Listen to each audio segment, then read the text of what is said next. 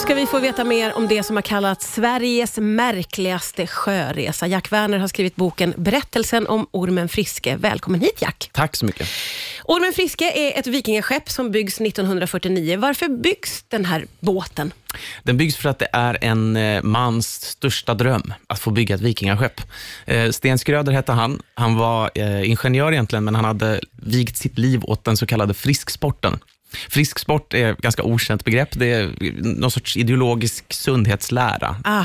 Och det var organiserat i Frisksportförbundet, som fortfarande finns kvar än idag. Ja. Frisksportförbundet har, var liksom en organisation för att vara vegetarianer och icke-rökare och inte dricka. Och de hade, Sten Skröder hade själv samlat ihop pengar så att de kunde köpa en herrgård vid Trosa. Och han hade gått runt, han hade haft en kometkarriär inom Frisportförbundet, eh, verkligen helt mak makalös, fantastiskt hade gått för honom, Ja. tills det började gå dåligt. Aj då. Eh, för att han, hade inte så, han var inte så bra på att hantera pengarna som han hade samlat in, han var inte så bra administratör, han var bättre på att lansera projekt än att vidmakthålla dem. Ja. Så vad som hände var att han började tappa fotfäste och han hade som sagt vigt sitt liv till den här rörelsen. Han hade flyttat till, det här, till det här, den här herrgården som han hade köpt. Han hade flyttat dit sin familj, sin fru och sina två barn. Han bodde där Ah. och då han var nu så här nära på att bli vräkt. Ja. Så då var det som att han stod utan några egentliga val, eller han stod, utan, han stod med, inför att bli kickad från Frisportförbundet utan några vägar framåt, utom sin gamla dröm att bygga ett vikingaskepp. Ah. Eh, Han fick till att få göra det i samband med en större idrottsevenemang som ägde rum i Stockholm 1949. Ehm, och- för honom var det då planen liksom att nu ska det här vikingaskeppet göra god reklam, eller propaganda som man sa på den tiden, för frisksporten Ja. och dessutom bli en kassako. Vi ska kunna få in massa stålar från folk som vill åka på turer med Ja. det här vikingaskeppet. Eh, Så därför kom det till. Och, och det här landade ändå ganska väl då, då? Att folk eh, hakade på den här idén, eller? Medialt landade det hyfsat väl. Ja. Eh, Det finns väldigt minnesvärd, minnesvärd mediebevakning från när Sten Skröder och hans vikingaskepp är och hälsar på hos kungen, alltså Gustav V, eh, på Tullgarn som ligger alldeles bredvid deras eh, herrgård, Frisksportarnas herrgård vid Trosa.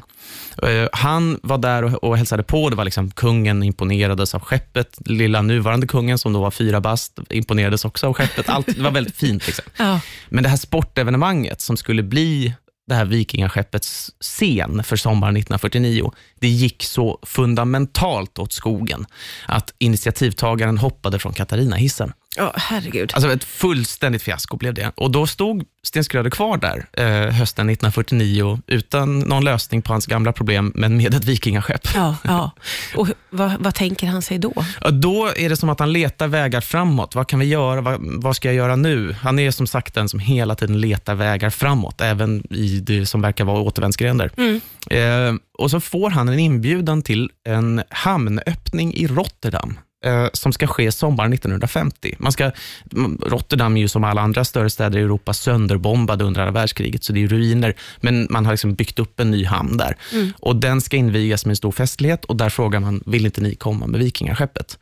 Så då i juni, i början av juni 1950 så vidtar alltså Ormen Friska, det här vikingaskeppets resa. Ormen, Sten Skröder ombord, han har raggat upp 14 andra frisksportare, unga Ja. killar. Ja. Och De åker iväg från Birka, som de gjorde på vikingatiden, eh, genom Östersjön, längs med eh, östkusten, ner mot eh, Kielkanalen, ut i Nordsjön.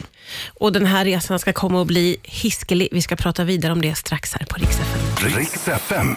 Det är Jack Werner som är här. Vi eh, pratar om Ormen Friske. Du har skrivit boken Berättelsen om Ormen Friske. Det här är alltså ett vikingaskepp som byggs 1949 och då ska åka iväg på den här spännande resan 1950. Vad får, vad får den här resan för uppmärksamhet när de ska dra iväg? Det är ju eh, de här un, ganska unga killarna som då ska se till att Ormen Friske tar sig ner till Rotterdam. Jättemycket uppmärksamhet. Alltså det här är, jag har ju gått igenom då Kungliga bibliotekets mediearkiv, där de har ganska mycket av alla dagstidningar digitaliserade, och så Ja. att man ganska enkelt kan liksom söka sig fram. Och Där har jag tusentals artiklar under den här tiden, så det är ju så oerhört mycket. Det är ju, man, du vet, man börjar skriva om dem på löpsedlarna som bara Vikingarna, för att alla vet vilka som syftas till. Liksom. Ja. Så att alla följer med. Eh, Det, det, det skrivs notiser om små strandhugg de gör och det är bilder. och Vid något tillfälle så, så måste de liksom parera för att Expressens reportageflygplan, en liten enmotorig med två personer ombord, en reporter och en pilot, liksom landar precis bredvid dem i vattnet. Så du vet, de, har ju så, de, har liksom, de hade behövt en pressekreterare. Och när de, gör, när de landar, vilket de gör i Ystad och Trelleborg, på vägen då mot, mot Nord, Nordsjön, så, så är det ju alltså tusentals människor på kajen. Människor betalar en krona per skalle i inträde för att få se det här vikingaskeppet. Oj, Det skrivs autografer. Det är liksom, de är rockstjärnor. de är lite rockstjärnor, Ja. märkligt nog. Ja. Ehm, Så ett stort Och intresse kring det här. Väldigt stort. Och det, måste varit, och det måste varit för dem ombord, har jag tänkt så mycket på. Det måste ju varit så udda. Jag menar, det var många, många av dem var hyfsat enkla arbetare. Det var Ah. två killar från Kiruna som liksom jobbade i gruvan och eh, det var folk som var smedjearbetare. Och det, var, det var verkligen vanliga killar. Ah. Frisksportare de flesta, men, men vanliga killar. Och att de höll på att skriva autografer och bli fotograferade på det här sättet, måste varit för dem en, en mycket udda upplevelse. Verkligen. Och måste ju kännas otroligt peppigt då, Ja. när de ger sig iväg. Precis, för Eh. det är det, man ska ta den kontrasten också. Att för dem var ju säkert väldigt spännande det här, den här härliga resan att få, eff- framförallt efter en tonåren präglad av andra världskriget, isolering, man kan inte komma ut eh, någonstans i världen och plötsligt så har de den här möjligheten att inte bara göra en resa ut i Europa utan också göra den under dessa omständigheter. Ja. Men det är också så att ah, i de Ja, nästan alla tidningar så är det, eh, finns det en ton gentemot vikingaskeppet. Alltså, man är så här, vad är det för amatörer? Och Man är också väldigt skeptisk inför att de är vegetarianer. Eh, det skrivs jättemycket om att hur kan de ens orka ro? Alltså, de äter ju inte som vettigt folk. Och De har med sig sitt kruska ombord och de äter liksom inte vanlig mat. Så att, det finns en, en syrlig ton och det där kulminerar när de är i Trelleborg. Då är det någon i tidningen som har skrivit att den här teaterbåten, dessa pappor, hade jag varit deras pappor hade jag tagit dem i öronen, dessa slynglar. Oj, det är hårt. Det är hårt och då, vad jag tror händer då på, en sån, på ett sånt fartyg är att det svetsas man ju samman. Mm. För de här har ju också, de här som är ombord, de har ju för det mesta läst Kon-Tiki. Som är ju den här Ja, ja, historien, ja. Tor- Tor Heyerdahls resa över Stilla havet. eh, Och, och, och den boken, om man läser den, den är ju, vad som återkommer i den är hela tiden att alla säger till Tor Heyerdahl, ni kommer sjunka, det här kommer gå åt skogen, ni kommer dö. Mm. Och Sen genomför de resan, det blir en total succé. De, Tor Heyerdahls karriär är fixad. Han Ja. liksom åker runt och föreläser i hela världen. Så att jag tror att de tänkte mycket så. Vi kommer också ta oss igenom det här och vi kommer bli triumfet, triumfatoriska. Vi kommer vinna. Eh, Så att man har ju den liksom dualiteten mellan det här att de tycker att det är en häftig kul resa, men de blir också svärtade i medierna. Ja, just det. Och Sen kommer de då ut i Nordsjön och då, ja, det är då vändningen kommer. Ja, det kommer en extrem vändning. Vi får prata lite om det strax här på Rix FM. Det är Jack Werner som gästar, aktuell med boken Berättelsen om ormen Friske. Det här har ju kallats Sveriges märkligaste sjöresa och det handlar om ett vikingaskepp som lämnar Birka och eh, styr kosan mot Rotterdam. Eh, men det, är, det händer ju något fruktansvärt. Va, vad, är det så, vad är början till de här hemska händelserna, Jack? Jo, sammanfattningsvis och kort här då, så är det så här att när man kommer ut i Nordsjön så eh, kommer för det första en kraftig sommarstorm. Så in- ingen väderleksrapport har förutsett. Ehm, och Den stormen är liksom eh, 20-tal sekundmeter uppåt 26 eller vad det är. Och det är för starkt, det är liksom för mycket för även större fartyg. Ja.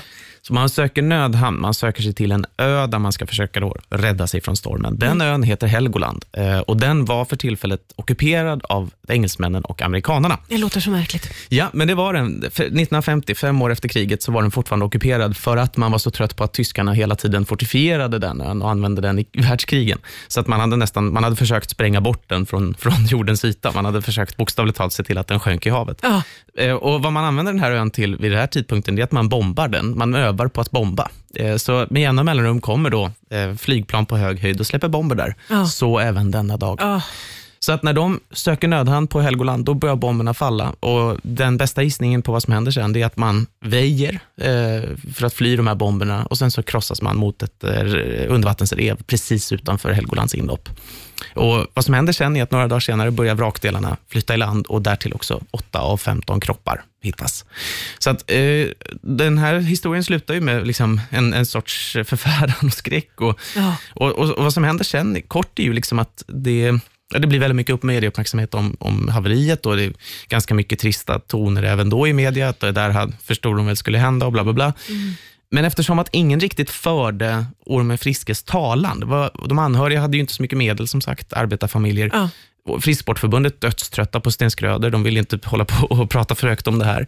Medierna hade redan hånat alla ombord. Ja. Ingen var liksom särskilt mån om att ja, föra deras talan, så det glömdes ju bort där. Liksom. Ja. Ja. Och därtill konstig historia. Vikingaskepp sjunker, bombning. Liksom. Ja, det är så märkligt alltihopa. Ja, och jag tror att just det där att det är konstigt och just det där att det var ingen som liksom kände för dem riktigt. Det Nej. gjorde att den blev så bortglömd som den här händelsen nu är. Ja, idag. precis. För det är ju ingen av oss som har hört talas om det här eh, tills du nu eh, tar upp historien igen. Ja. Du har ju haft en ganska nära kontakt med många av anhöriga till de som var med på båten. Hur Mm. har det varit? Det har varit väldigt gripande för att de har ju i många fall vetat mindre om den här händelsen än jag. Så att jag har varit den som har berättat saker för dem snarare tvärtom. Eh, Men det är väl det som, jag ska säga det om boken, att den växte ju fram. Den började ju som en, ett, projekt för mig, att nu ska jag researcha det här och se vad det här är, vad händer liksom.